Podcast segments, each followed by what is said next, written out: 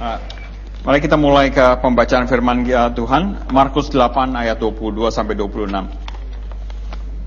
Oke, kalau saudara bisa Oke, saudara ada di layar ya. Oke. Markus 8 22 sampai 26 berbunyi demikian. Kemudian tibalah Yesus dan murid-muridnya di Bethsaida. Di situ orang membawa kepada Yesus seorang buta dan mereka memohon kepadanya supaya ia menjamah dia. Yesus memegang tangan orang buta itu dan membawa dia keluar kampung. Lalu ia meludahi mata orang itu dan meletakkan tangannya atasnya dan bertanya, "Sudahkah kau lihat sesuatu?" Orang itu memandang ke depan lalu berkata, "Aku melihat orang, sebab melihat mereka berjalan-jalan." Tetapi tampaknya seperti pohon-pohon. Yesus meletakkan lagi tangannya pada mata orang itu. Maka orang itu sungguh-sungguh melihat dan telah sembuh. Sehingga ia dapat melihat segala sesuatu dengan jelas. Sesudah itu, Yesus menyuruh dia pulang ke rumahnya dan berkata, "Jangan masuk ke kampung." Nah, saya saya nggak tahu kalau uh, tentang saudara. Kalau waktu saya membaca ayat perikop ini, saya menemukan ada menurut saya, menurut saya ada dua hal yang ganjil, yang kurang pas gitu. Yang pertama, saya pikir kenapa Tuhan Yesus harus uh, menyembuhkan orang yang buta ini dengan meletakkan tangannya dua kali? Kenapa nggak satu kali? Apakah apakah pada saat itu kuasa Yesus sudah mulai memudar sehingga dia harus meletakkan tangannya dua kali baru orang itu sembuh? Atau mungkin mungkin uh, si orang buta ini saking parahnya sehingga harus ada dua kali dipegang instead of satu kali aja. Itu pertanyaan saya yang pertama. Yang kedua, yang menurut saya rada ganjil juga, kenapa Tuhan Yesus melarang orang ini kembali masuk ke kampung? Bukankah lebih baik kalau misalnya sesudah disembuhkan orang itu kembali masuk kampung sehingga dia bisa bercerita kepada semua orang di kampung, "Oh, look, saya yang tadinya buta sekarang saya melihat Yesus menyembuhkan saya." Dan nama Tuhan dipermuliakan. Bukankah lebih baik begitu? Tapi kenapa Yesus meminta orang ini jangan masuk kampung? Why? Dan kita kita akan coba uh, melihat dari dari uh, dari dua pertanyaan ini apa yang bisa kita pelajari. Yang pertama, kita, uh, mari kita bahas tentang mengapa Yesus harus meletakkan tangannya dua kali. Nah, sebelum saya mulai, let me let, uh, uh, let me tell you uh, apa yang saya percaya. Saya percaya dengan sungguh-sungguh kalau misalnya uh, kalau Yesus mau dia meletakkan tangannya sekali dan orang itu sembuh. Saya sungguh-sungguh percaya there is there is nothing impossible for God to do towards this person. Kalau misalnya dia mau orang itu sembuh ya sembuh. Nggak, nggak perlu pakai meletakkan, meletakkan tangan 2, 3, 4, 5 kali. Itu yang saya percaya. Tapi ada satu makna, ada ada satu maksud dengan apa yang Yesus lakukan dengan meletakkan tangan dua kali. Nah, kadang-kadang kita tuh uh, tanpa kita sadari, kita tuh sering me, meletakkan Allah di dalam kotak. We put God in the box in how He do things oh Tuhan kalau Tuhan uh, begini uh, misalnya menyembuhkan orang, orang caranya harus begini. Uh, mari saya saya kasih saudara sebuah sebuah ilustrasi. Kalau kita ke dokter, let's say saudara ini kan winter, let's say saudara kena flu. Not just a common cold, saudara kena flu. Saudara berasa aduh banyak reaknya, saudara susah napas, ingusan terus, uh, semua sendi-sendi kayaknya nggak enak, saudara kayaknya lemes terus, maunya diranjang. Saudara ke dokter. Saudara kind of like tahu saudara ini sedang kena flu. Expectation saudara kalau ke dokter, saudara bakal dikasih apa? Antibiotik. Right? Kalau saudara kurang lebih udah tahu saya kena flu, saudara pasti ke dokter, oh ya, yeah, ya yeah, bakteri, there you go, amoxicillin 500 mg. Tapi saudara nggak bakal punya expectation kalau tiba-tiba dokternya bilang, oh simptom saudara kena flu, saudara harus di kemo.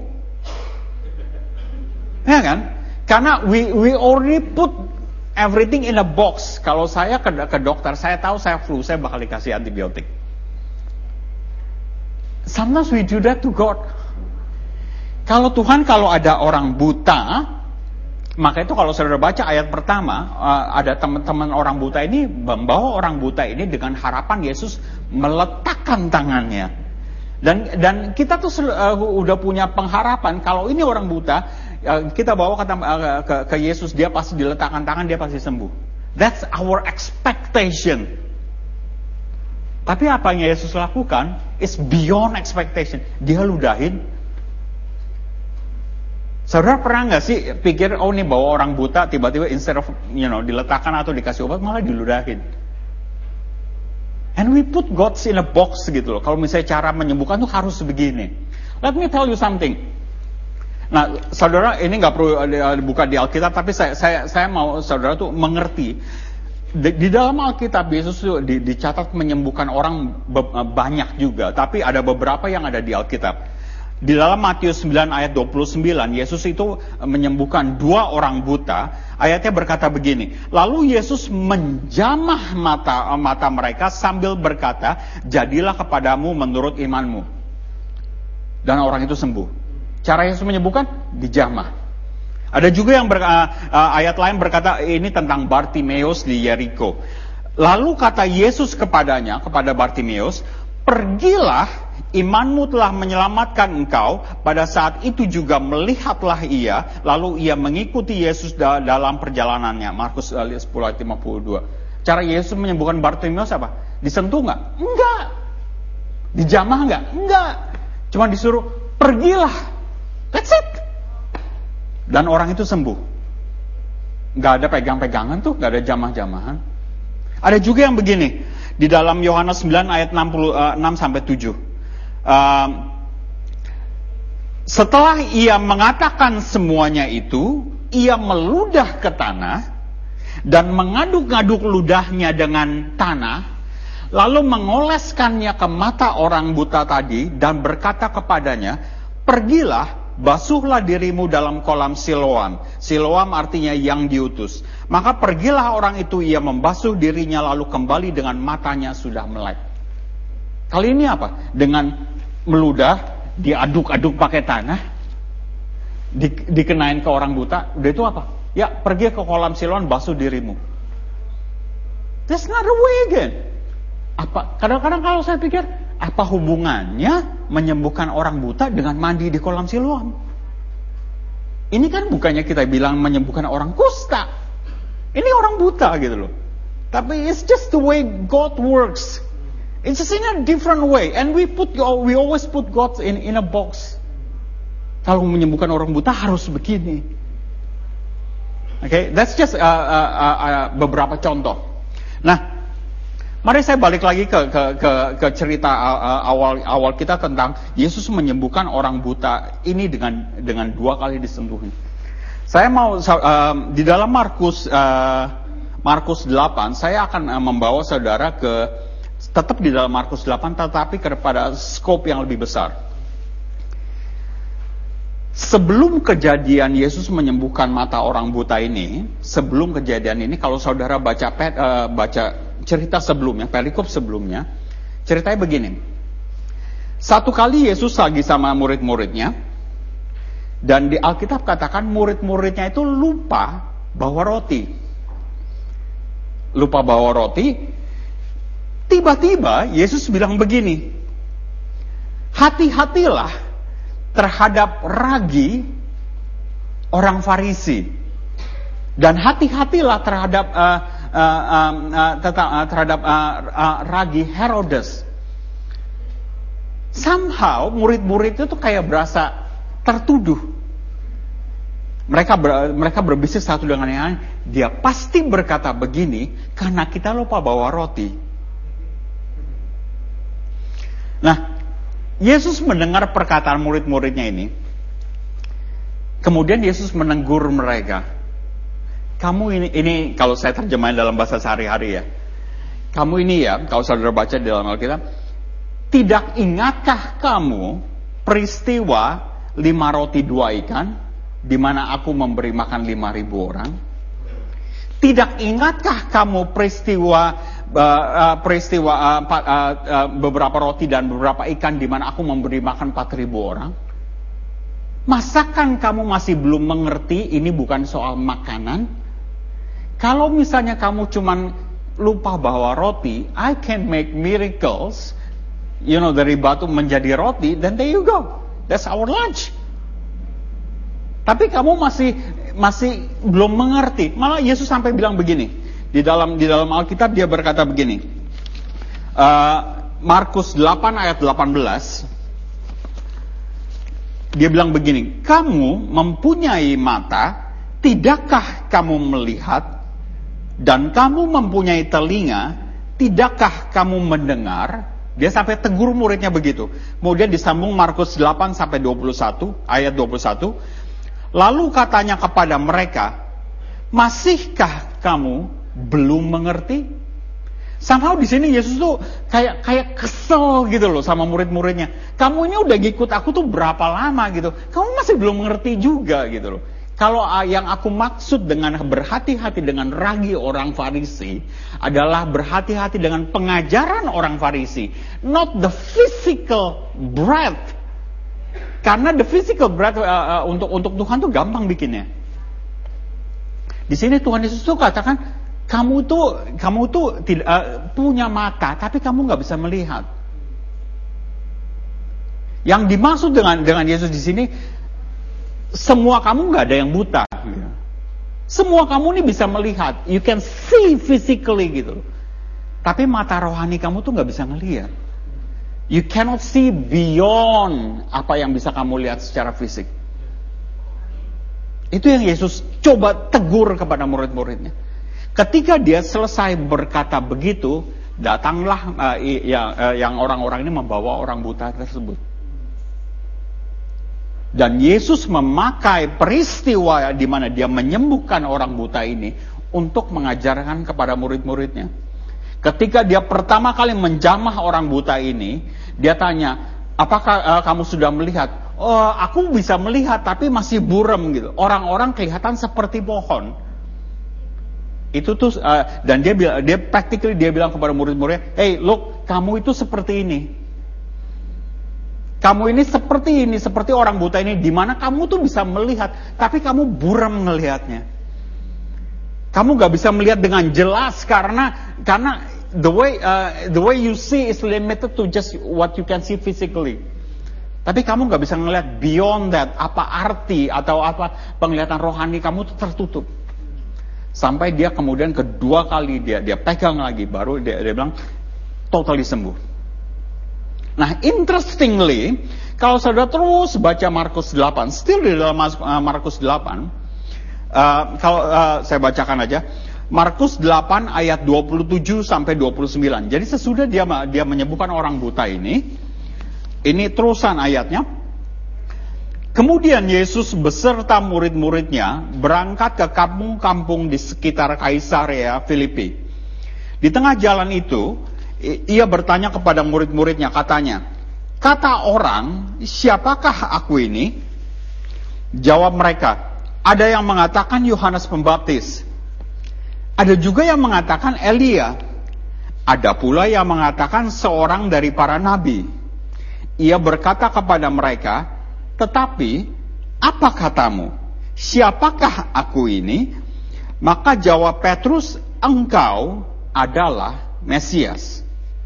Nah kalau kita baca di dalam Injil lain, ya, cerita yang sama dari Matius 16 ayat 17, di situ kemudian Yesus berkata kepadanya, kata Yesus kepadanya, kepada Petrus, Berbahagialah engkau Simon bin Yunus, sebab bukan manusia yang menyatakan itu kepadamu, melainkan Bapakku yang di sorga.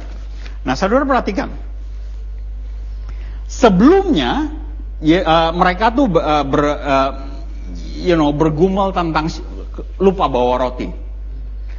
Dan Yesus bilang, kamu nih ya, mata rohani kamu nih nggak terbuka. Kemudian disambung dengan peristiwa di mana Yesus menyembuhkan orang buta. Practically dia memakai peristiwa ini untuk kasih tahu kepada kepada muridnya, ini loh kamu nih seperti ini. Sesudah kejadian itu, Yesus bertanya kepada muridnya, menurut kamu orang-orang bilang aku ini siapa? Oh orang bilang El Elia, orang bilang Yohanes Pembaptis, orang bilang one of the uh, prophets, seorang nabi.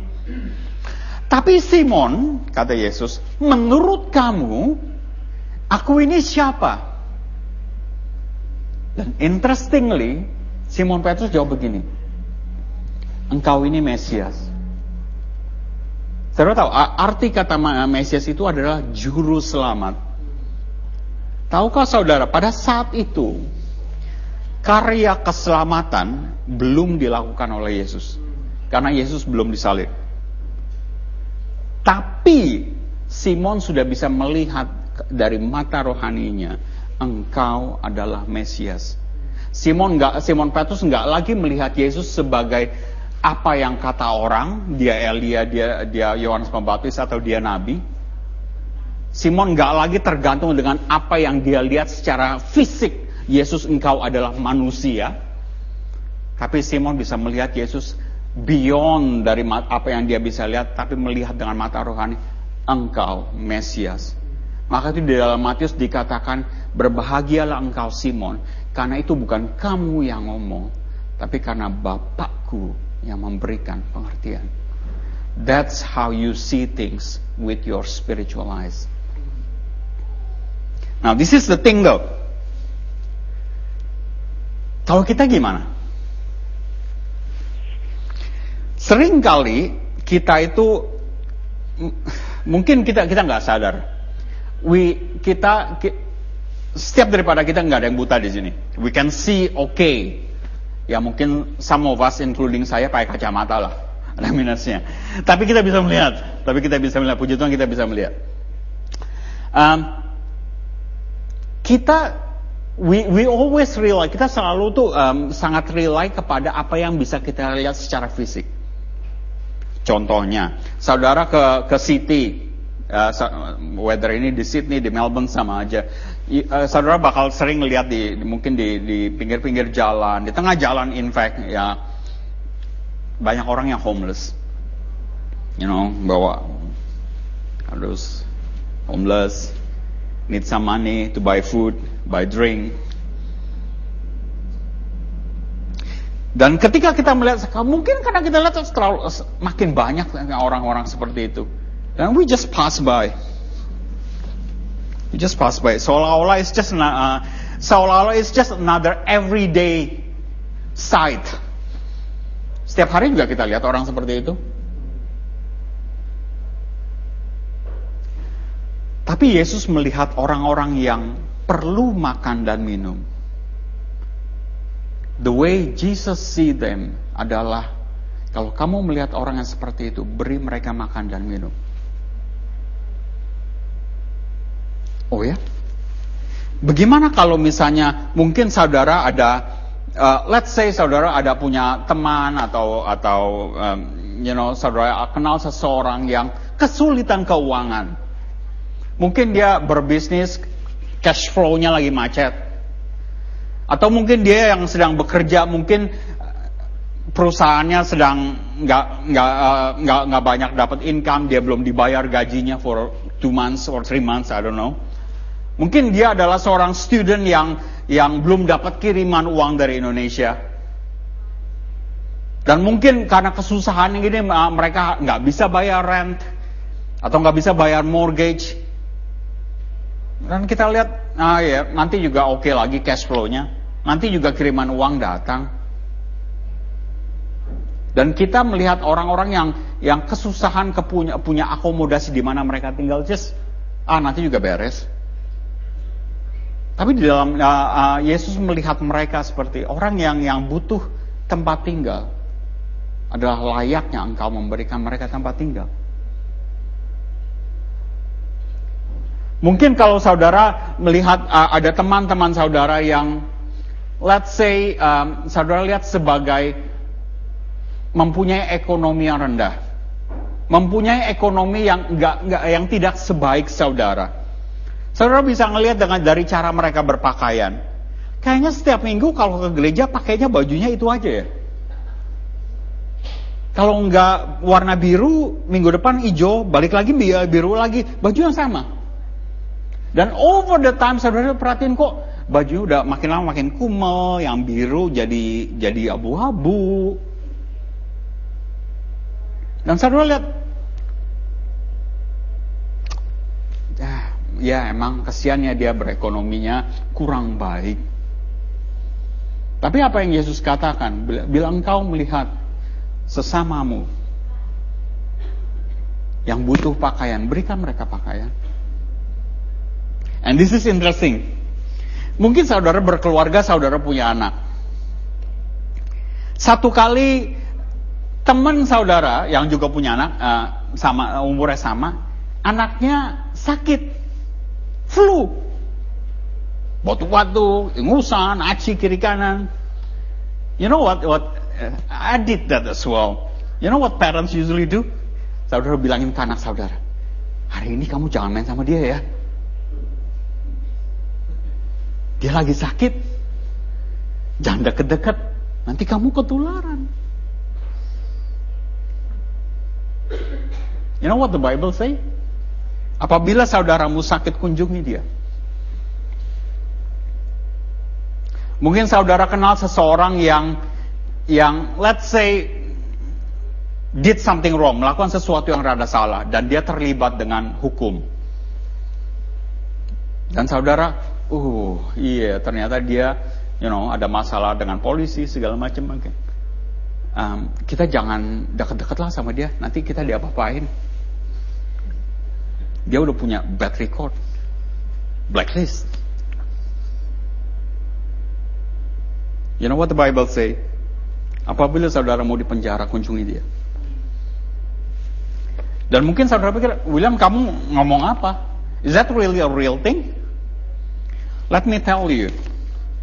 Segala sesuatu yang tadi saya ngomongkan, the same thing, itu akan dipakai pada penghakiman terakhir. Matius 25 ayat 37 sampai 40. Maka orang-orang benar itu akan menjawab dia katanya, Tuhan, bila manakah kami melihat engkau lapar dan kami memberi engkau makan, atau haus dan kami memberi engkau minum? Bila manakah kami melihat engkau sebagai orang asing dan kami memberi engkau tumpangan, atau telanjang dan kami memberikan engkau pakaian? Bila manakah kami eh, kami melihat engkau sakit atau dalam penjara dan kami mengunjungi engkau dan raja itu akan menjawab kepada mereka, Aku berkata kepadamu, sesungguhnya segala sesuatu yang kamu lakukan untuk salah seorang dari saudaraku yang paling hina ini, kamu telah melakukannya untuk aku. That's how Jesus see people. Beda ya, cara kita pandang orang dengan cara Yesus memandang orang? Beda ya?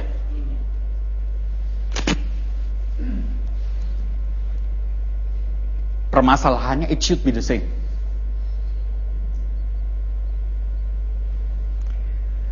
Nah, pertanyaan terbesar adalah kalau begitu, bagaimana caranya kita bisa memandang sesama kita seperti Yesus memandang mereka. Bukankah pertanyaannya seperti itu? Saya, saya kasih contoh. Kalau saya baru kenal dengan Pak Agus, kalau saya baru mungkin baru sekali dua kali ketemu dia untuk lima menit, saya nggak bisa klaim bilang I can see the way Pak Agus see. Karena saya nggak mengenal dia. Untuk saya bisa melihat seperti Pak Agus melihat, Saya harus mengenal Pak Agus dengan baik. Saya mesti tahu dia tuh sukanya apa sih? Dia tuh nggak sukanya apa sih? Kalau dia emang sukanya menolong orang, dan saya tahu, oh Pak Agus suka menolong orang, saya juga harus menolong orang. Kalau dia nggak sukanya ng ng ngelihat orang tuh gosip, gosip, gosip, gosip terus, dan saya tahu, oh dia nggak uh, dia sukanya nggak ngelihat eh, nggak sukanya ngelihat orang gosip. Kita harus, we, uh, saya harus tahu Agus dengan baik untuk saya bisa mencoba melihat seperti apa yang dia lihat. Does it make sense? Selama saya sama juga dengan Tuhan, untuk kita bisa melihat seperti apa yang Yesus lihat, kita harus tahu Yesus itu bagaimana. Kita harus mengenal Yesus itu bagaimana. Selama kita masih egois, selama kita masih selfish, selama kita masih full of ourselves in us, there is no spare room for Jesus in our life. Karena hati kita penuh dengan kita. And the only way hati kita penuh dengan Yesus, kita harus tahu dia. Dan kita tahu, oh Yesus, you are in my heart. And the way I see things will be the same as how you see things. Saya mau kasih saudara sebuah ilustrasi. Kus, bisa maju bentar nggak Kus? Saya mau kasih. Kapan lagi ya Kus ya? Oke, okay, di sini Kus. Di sini. Oke, okay, thank you. Just see me. Saya Yesus. Saya Yesus, ini Markus. Dan saya bilang begini, uh, kan Yesus suka ngaduk-ngaduk tanah tuh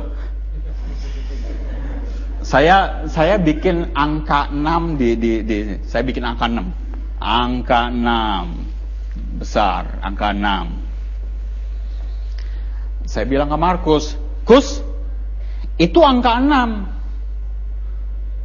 Saya tulis angka 6. Markus, Masa sih? Saya nggak ngeliat angka 6. Markus lihatnya angka berapa? Angka sembilan. Itu angka sembilan. Enggak. Angka enam. Objeknya sama. Tapi dari dua pandangan berbeda. Bagaimana supaya uh, supaya Markus bisa melihat seperti Yesus? Ini Gus. Markus harus ada bersama dengan saya untuk bisa melihat, oh itu angka 6. Does it make sense? Thank you Gus.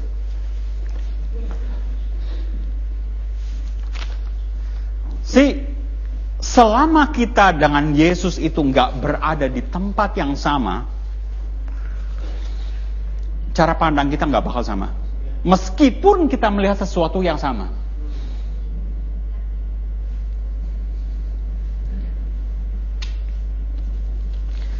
Di dalam Alkitab dikatakan begini, Paulus uh, berkata begini di dalam Galatia 2 ayat 20a.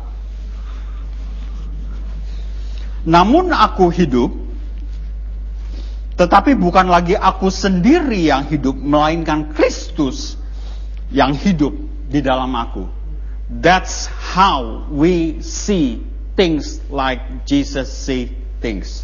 Kalau Yesus di dalam kita dan hidupku bukan aku lagi tapi Yesus di dalamku. Nah, It's very interesting kalau saudara saya uh, balik lagi ke dalam cerita Markus di mana di, uh, di mana uh, Yesus menyembuhkan uh, orang buta ini. Kalau saudara perhatikan ceritanya, ketika Yesus pertama kali menja menjamah orang buta itu,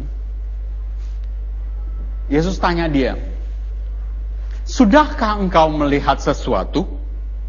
Have you seen anything? Ini waktu baru pertama kali dijawab, uh, dijamah. Dan you know, orang buta ini bilang, oh ya saya melihat buram or, uh, orang uh, apa orang ini seperti pohon. Let me ask you, ask you this question. Menurut saudara, Yesus tahu nggak sih jawabannya? Tahu ya? Dia Allah Maha tahu kok.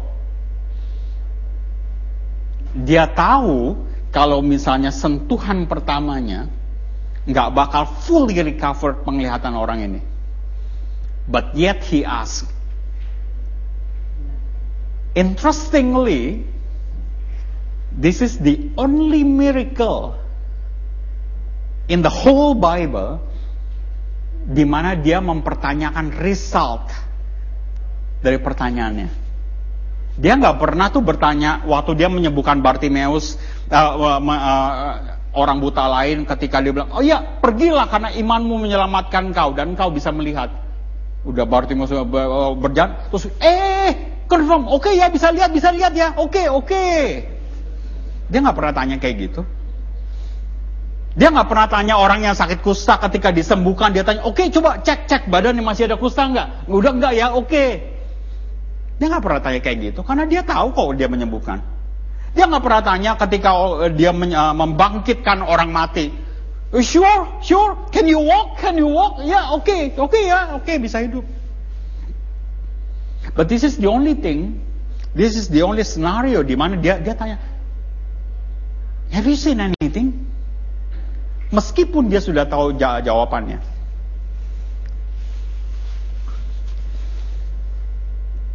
The same thing dia tanya kepada kita. You know this morning, dia tahu kok kita bisa melihat. Dia tahu kita punya mata baik kecuali pakai kacamata. Bukannya dia nggak tahu jawabannya, tapi masalahnya ini, kita sendiri yang nggak tahu jawabannya.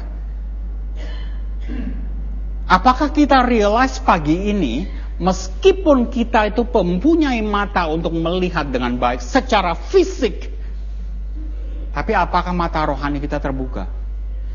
Can we see things just like how Jesus see things? Apakah kita melihat orang yang membutuhkan pertolongan kita, ya, yeah, somebody else will help? Ataukah kita melihat seperti Yesus melihat uh, ketika orang lain membutuhkan pertolongan? And that's the reason Tuhan tanya, apakah kamu sudah bisa melihat sesuatu? Have you seen anything? Dan kalau jawaban saudara masih burem, belum bisa lihat, Mungkin there is things that we have to work on. Alright? Saya mau uh, move on ke next point tentang uh, tentang uh, mengapa Yesus itu bilang jangan kembali kembali ke kampung. Markus 8 ayat uh, balik lagi kita baca Markus 8 ayat 22 sampai 23. Kemudian tibalah Yesus dan murid-muridnya di Bethsaida, nama kota Bethsaida. Di situ orang membawa kepada Yesus seorang buta dan mereka memohon kepadanya supaya ia menjamah dia. Perhatikan ini. Yesus memegang tangan orang buta itu dan membawa dia keluar kampung. Perhatikan ayat itu. Oke? Okay? kita lompat ke ayat paling akhir Markus 8 ayat 26. Sesudah itu Yesus menyuruh dia pulang ke rumahnya dan berkata, "Jangan masuk ke kampung." Pertanyaannya mengapa ya? Why? Kenapa uh, sebelum Yesus menyembuhkan orang buta ini, dia bawa orang ini keluar kampung, baru disembuhkan, Sesudah disembuhkan, dia bilang, kamu jangan balik lagi. Mari kita baca di dalam Matius 11 ayat 20 sampai 21.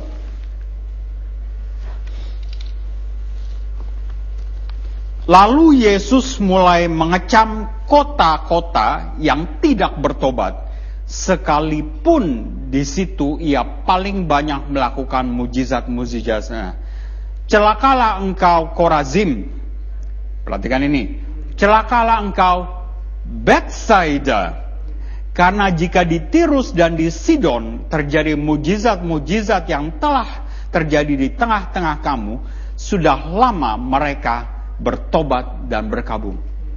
Ternyata kota Bethsaida adalah salah satu kota di mana eh, Yesus banyak melakukan mujizat, tapi nggak banyak yang bertobat. Ternyata Bethsaida adalah salah satu kota di mana tuh orang-orangnya pada keras hati. Dan tahukah saudara, kalau saudara baca di, di, di, di kitab Lukas, salah satu uh, mujizat ya, yang Yesus lakukan yang paling besar, yang memberi makan 5.000 orang dengan 5 roti 2 ikan, in fact dikatakan di, di dalam Alkitab dikatakan 5.000 orang itu 5.000 orang laki-laki. Let's assume ada wanita, ada anak-anak, maybe 10,000. Dan mujizat itu di, dikata, di, dicatat di Lukas itu di, dilakukan Yesus dekat Bethsaida. Yesus on purpose bawa orang ini keluar dari Bethsaida, disembuhkan. Dia bilang, kamu jangan masuk lagi. Supaya orang ini tidak lagi eh, ter, terpengaruh dengan orang-orang Bethsaida yang mempunyai keras hati, yang tidak percaya akan mujizat Tuhan, yang tidak yang menolak Yesus. You see, the same thing happen to us juga. Ketika kita kita ini yang sudah disembuhkan oleh Yesus, yang sudah dicelikan matanya oleh Yesus, kita dibawa keluar oleh Yesus dari dari hidup lama kita, dari dari teman-teman kita yang yang yang yang mempunyai pengaruh buruk kepada kita, kita dibawa keluar supaya kita mempunyai hidup baru, supaya kita bisa move on in our faith journey. Kita dibawa keluar oleh Yesus dan kita dan Yesus bilang, kamu jangan balik lagi ke hidup lama kamu. Kamu jangan balik lagi ke kumpulan-kumpulan lama kamu yang bisa instead of mendorong kemajuan iman kamu, tapi mereka menarik kamu lagi. Rasul Paulus uh, berkata di dalam di dalam uh, di dalam uh, di dalam uh, Roma 12, janganlah kamu uh, menjadi serupa dengan dunia ini. Karena apa? Kamu sudah you have been set apart bahasa Inggrisnya. Dipisahkan. Kalau saudara sudah dipisahkan, jangan campur balik lagi. Ya, Paulus berkata begini dalam 1 Korintus 5 ayat 11. Tetapi yang kutuliskan kepada kamu ialah supaya kamu jangan bergaul dengan orang yang sekalipun sekalipun menyebutnya dirinya saudara. Di sini dikatakan saudara itu adalah orang-orang yang dulu saudara kenal. Orang-orang yang mungkin your your family close friend yang bisa menarik saudara uh, down lagi. Menyebut dirinya saudara adalah orang cabul, kikir, penyembah berhala, pemfitnah, pemabuk atau penipu. Dengan orang yang demikian janganlah kamu sekali-kali makan bersama-sama.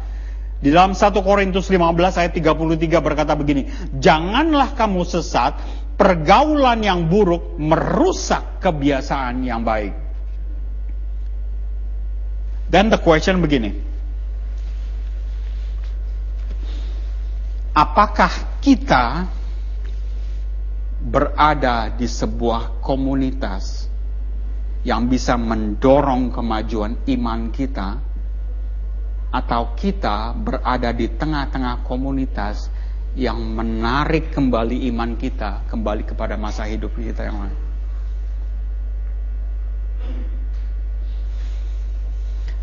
Saya nggak bilang, saya jangan salah ngerti, saya nggak nggak bilang saudara nggak boleh berbicara atau bergaul dengan orang-orang non Kristen. I don't say that at all. In fact, you still have to know them karena saudara harus reach out to them. Kalau saudara nggak punya teman yang non Kristen, how can you reach out them?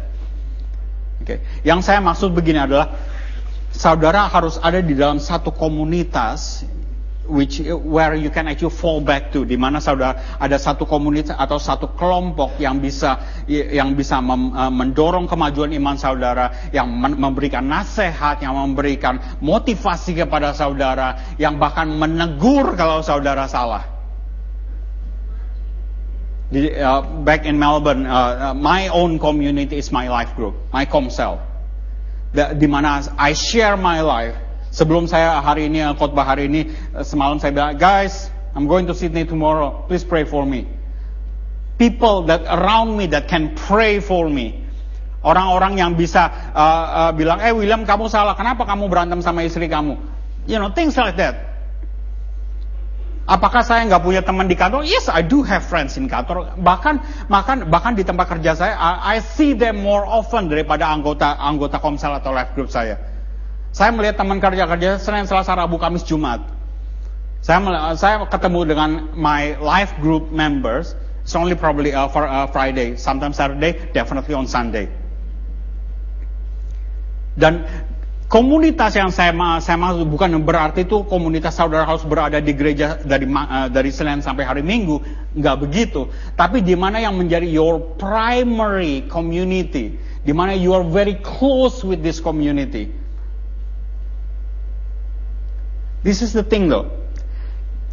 Setiap daripada kita, kalau saudara tanya dan saudara bisa jujur, kita tuh punya komunitas itu.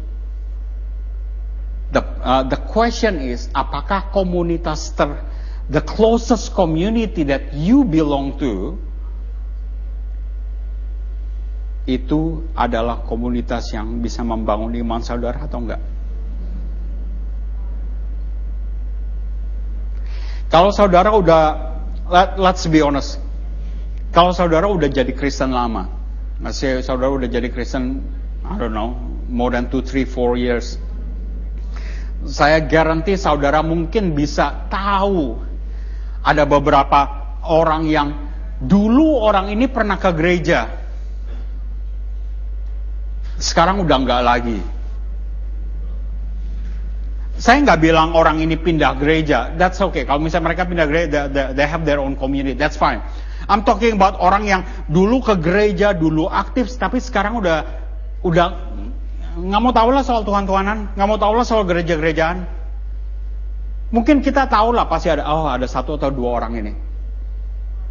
Dan kalau saudara bisa analisa, the reason being adalah these people, orang-orang ini, mereka sekarang mempunyai their own community yang lebih erat dibandingkan komunitas gereja.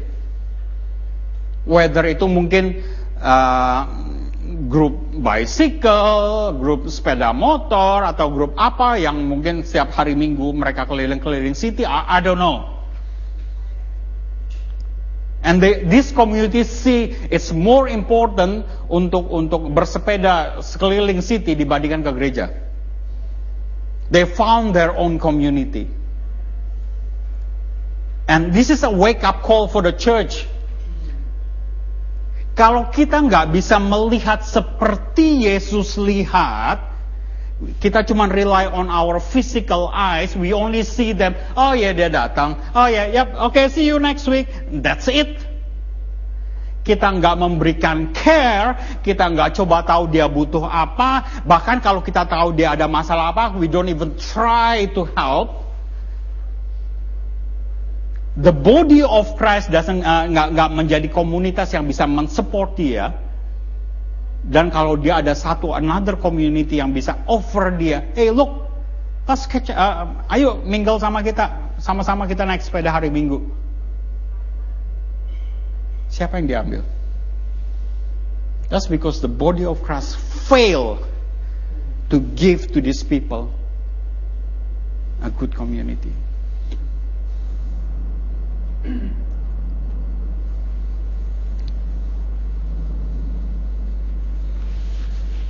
Saya mau tutup dengan begini. Kalau saya bisa minta apa yang pemusik bisa naik.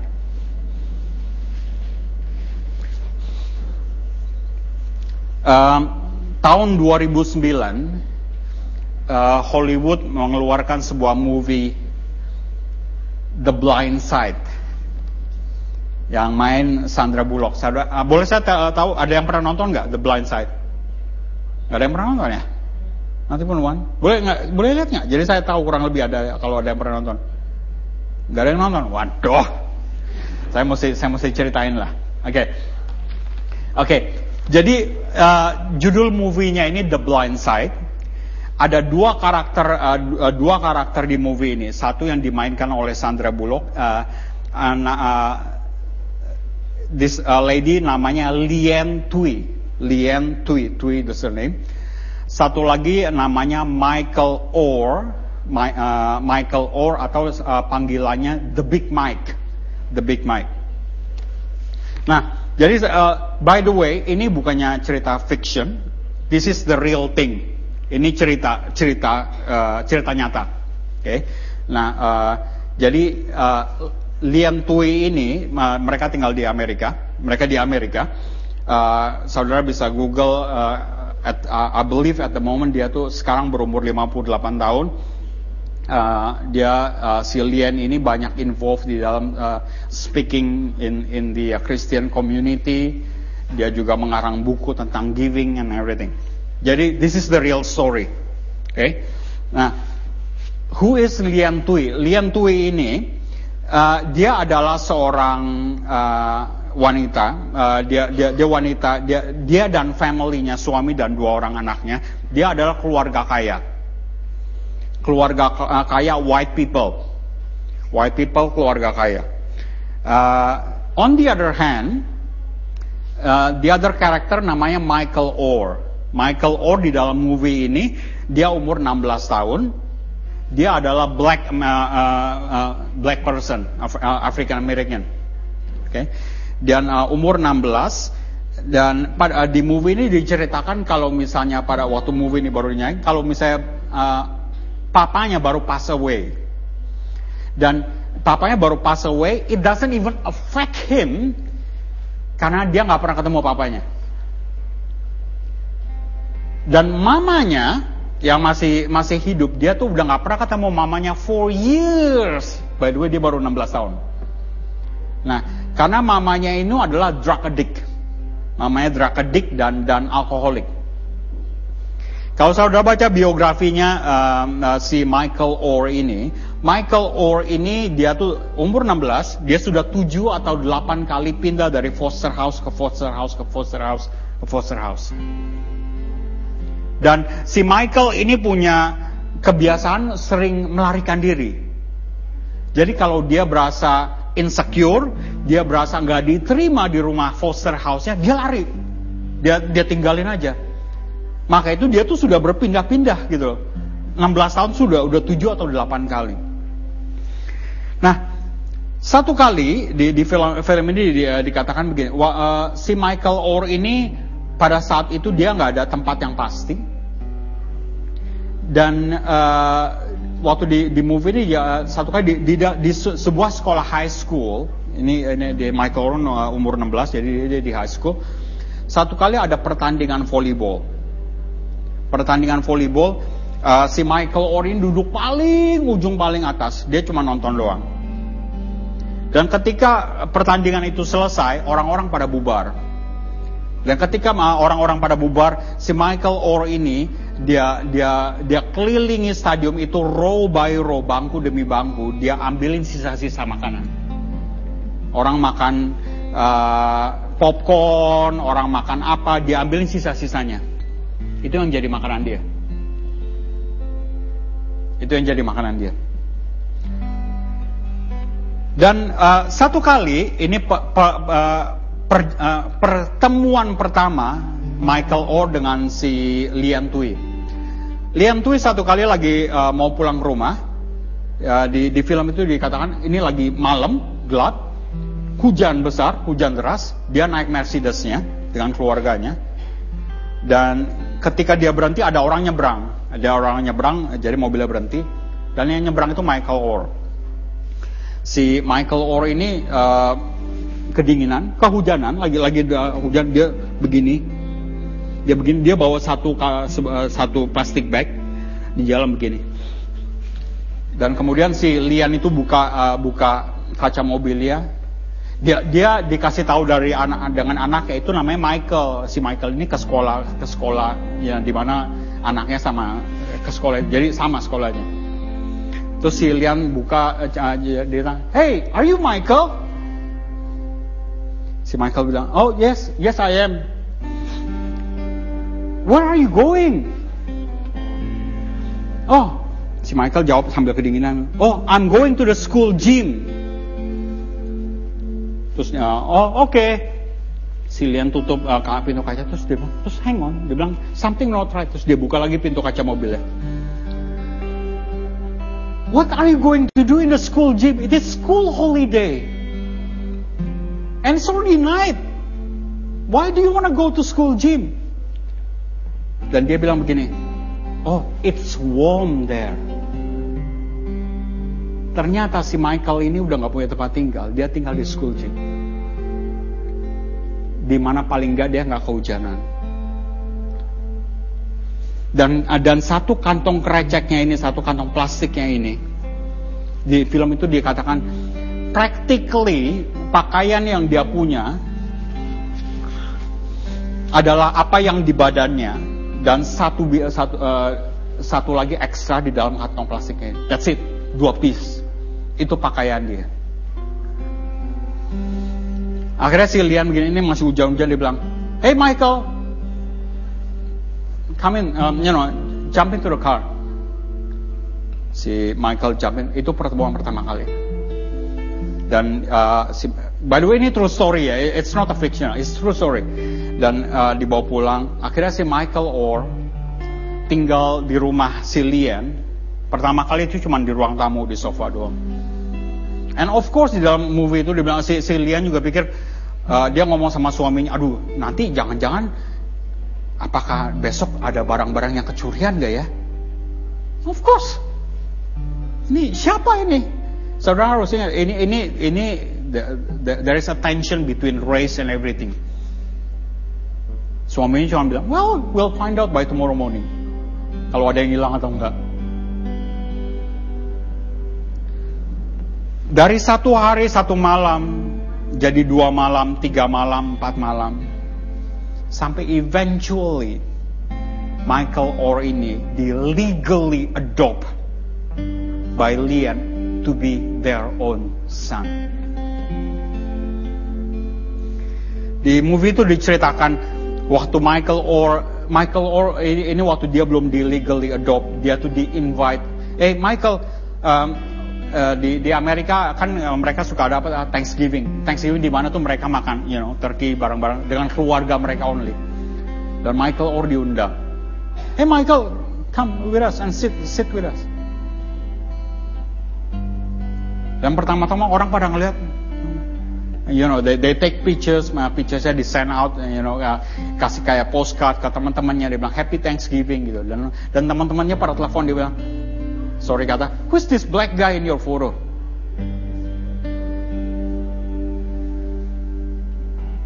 Dan besoknya si Michael Asilian bawa Michael si Michael ke ke, ke shopping store dibeliin dia baju segala macam. Tadi ya baju cuma cuma dua pieces so. Michael Orr diangkat oleh Lian dari perekonomian yang di bawah standar menjadi anaknya sendiri. And then this morning you tell us, is there such goodness? Well, yes there is. Apa yang Lian kerjakan terhadap Michael Orr, that is exactly how Jesus see people. Bagi orang yang tidak punya makanan dan minuman, kita beri dia makan minuman. Bagi orang yang tidak punya tempat tinggal, kita beri dia tempat tinggal. Bagi orang yang yang yang yang yang tidak punya family, kita dia bukankah itu yang Tuhan lakukan kepada kita? Dia angkat kita menjadi anak.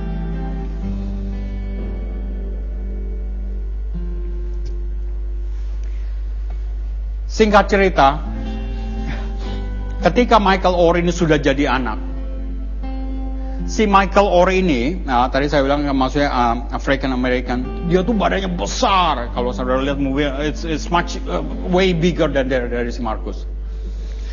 Karena badannya besar, di high school ini dia tuh involved di di American rugby, football, you know yang gitu tuh, yang pakai helmet kayak gini-gini.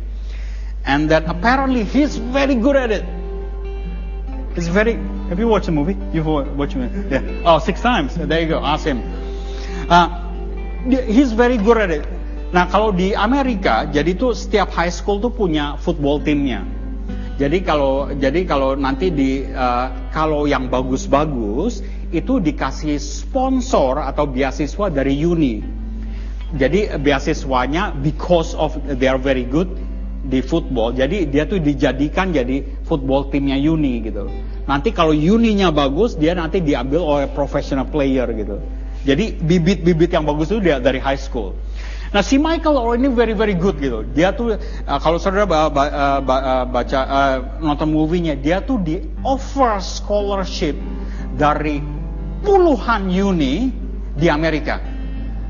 Karena waktu itu ada ada adiknya adik angkatnya dia dia dia bikin dia movie, movie ditaruh mungkin di di I don't know probably YouTube, I don't know dan semua uni pada ngeliat dan semua uni offer scholarship kepada si Michael Orr. Singkat cerita, si Michael Orr memilih sebuah uni. Uh, it's a University of Mississippi. Nah, interestingly, University of Mississippi itu adalah university di mana si Lian, mami angkatnya, dan suaminya, jadi uh, orang tua angkatnya, mereka ini lulusan uh, alumni uh, University of Mississippi. Jadi they are so happy si Michael Orr ini ngam, uh, memilih University of Mississippi karena mereka ada historinya with, with that uni. Nah, ketika Michael Orr sudah ambil ambil ini belum masuk loh, udah udah dia ambil make decision. Nah, ketika dia make that decision, it's a big thing. Karena semua uni tuh mau dia. Jadi semua uni tuh watch what his decision would be.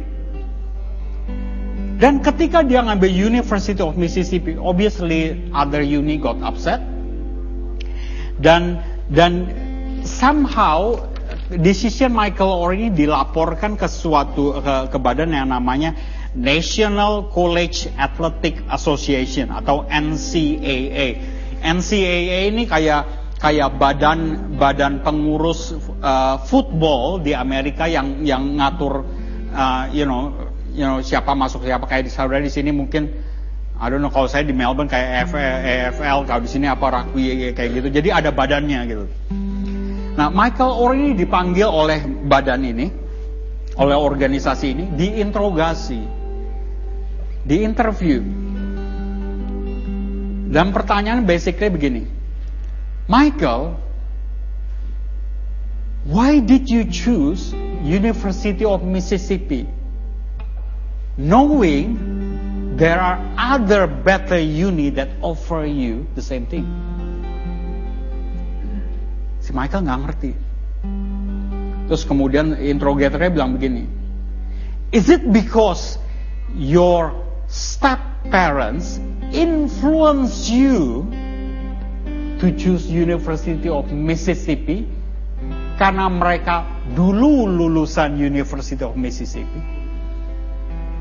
Jadi si interrogator ini pikir tuh ada ada Indonya ya, bahasa kerennya kong kali kong gitu loh. Kayak kayak ada you know something behind behind the the back lah gitu. Jadi udah ada persetujuan sebelumnya. Dan dan si Michael tiba-tiba somehow dia tuh tiba-tiba terhasut dengan perkataan yang si interrogator ini. Dia marah dia tinggalkan ruang interview ini, dia langsung ketemuin si si Lian uh, Lian Tui ini, uh, mami angkatnya. Dia marah-marah, dia bilang, apakah kamu mengangkat aku menjadi anak kamu untuk agar aku, knowing that I can play football, so I can go to the university that you want?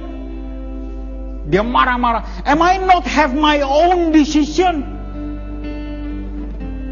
Padahal waktu waktu si Lian mengangkat Michael menjadi anaknya, itu tuh uh, pada saat itu dia nggak tahu kalau dia kalau si Michael ini is a good football player. Tapi si Michael dalam emosinya dia marah-marah, dia menuding-nuding kepada si Lian, dia meninggalkan Lian, dia tinggalin. Again kayak tadi, dia punya history. Kalau dia nggak suka, dia insecure, dia tinggalin. Dia lari lagi. And you know where he runs to? Dia kembali lagi ke masa lalunya. Di mana dia di childhood, di mana dia grew up waktu maminya tuh masih uh, masih uh, yang dengan alkoholik dan dan drug addict. di mana dia di di, di di di movie itu dia dia kembali ke geng uh, di situ ada geng orang hitam yang mereka pada minum-minum nggak ada kerjaan malah di dalam movie itu ada yang punya pistol segala macam isn't it exactly the same as us makanya Tuhan Yesus katakan aku telah mengangkat engkau keluar you have been set apart tapi masalahnya begini, setiap kali ada masalah, seperti Michael, kita always go back to our past. Because we think that we are comfortable with that. There's so many times kita kita dengar, oh ya kamu udah ditebus, oh, ya, oh ya aku semendang ditebus dulu, aku kecanduan dulu, aku misalnya minum-minum atau aku ngerokok, sekarang udah enggak. Tapi begitu kita ada masalah, kita balik lagi ke mana? Ke minum-minum dan ngerokok. Karena apa? Karena we used to that. That's what happened with Michael. By the way, uh, the, the movie have a happy ending. Dan si Michael ini balik lagi ke, ke Lian Tui, ke, ke keluarga Lian.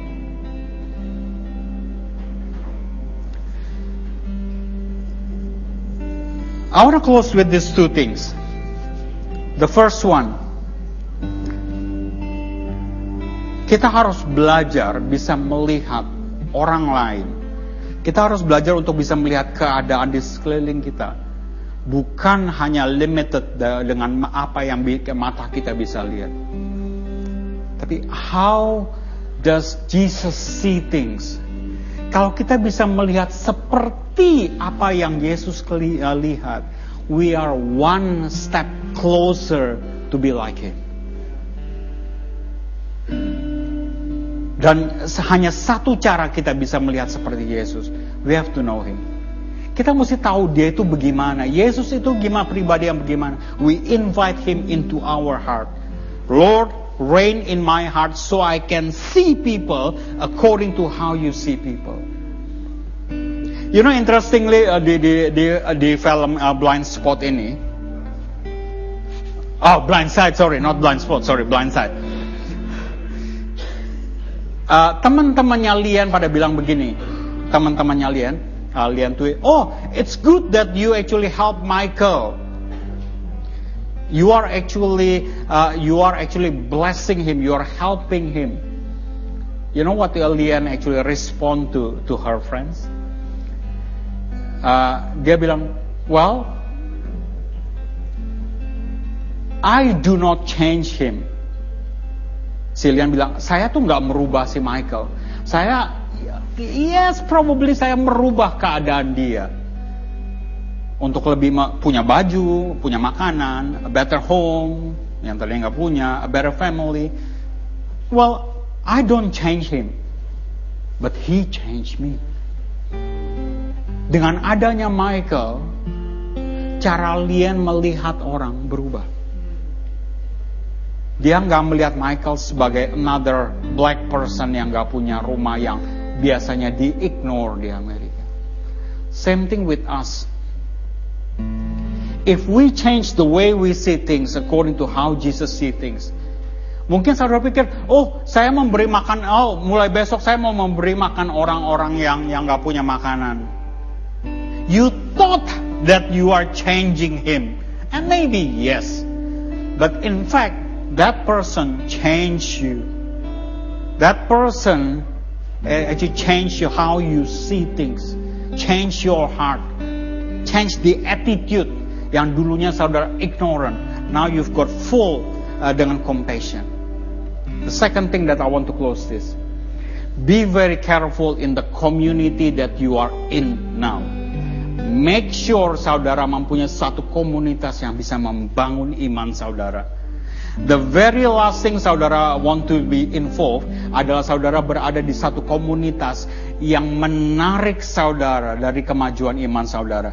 Saudara tanpa saudara sadari uh, komunitas tersebut membawa saudara keluar daripada rencana-rencana yang Tuhan sudah tetapkan buat saudara. Even worse, kadang komunitas itu menarik saudara keluar uh, uh, dari keselamatan yang dia telah berikan kepada saudara. Oke? Okay? Tuhan berkati.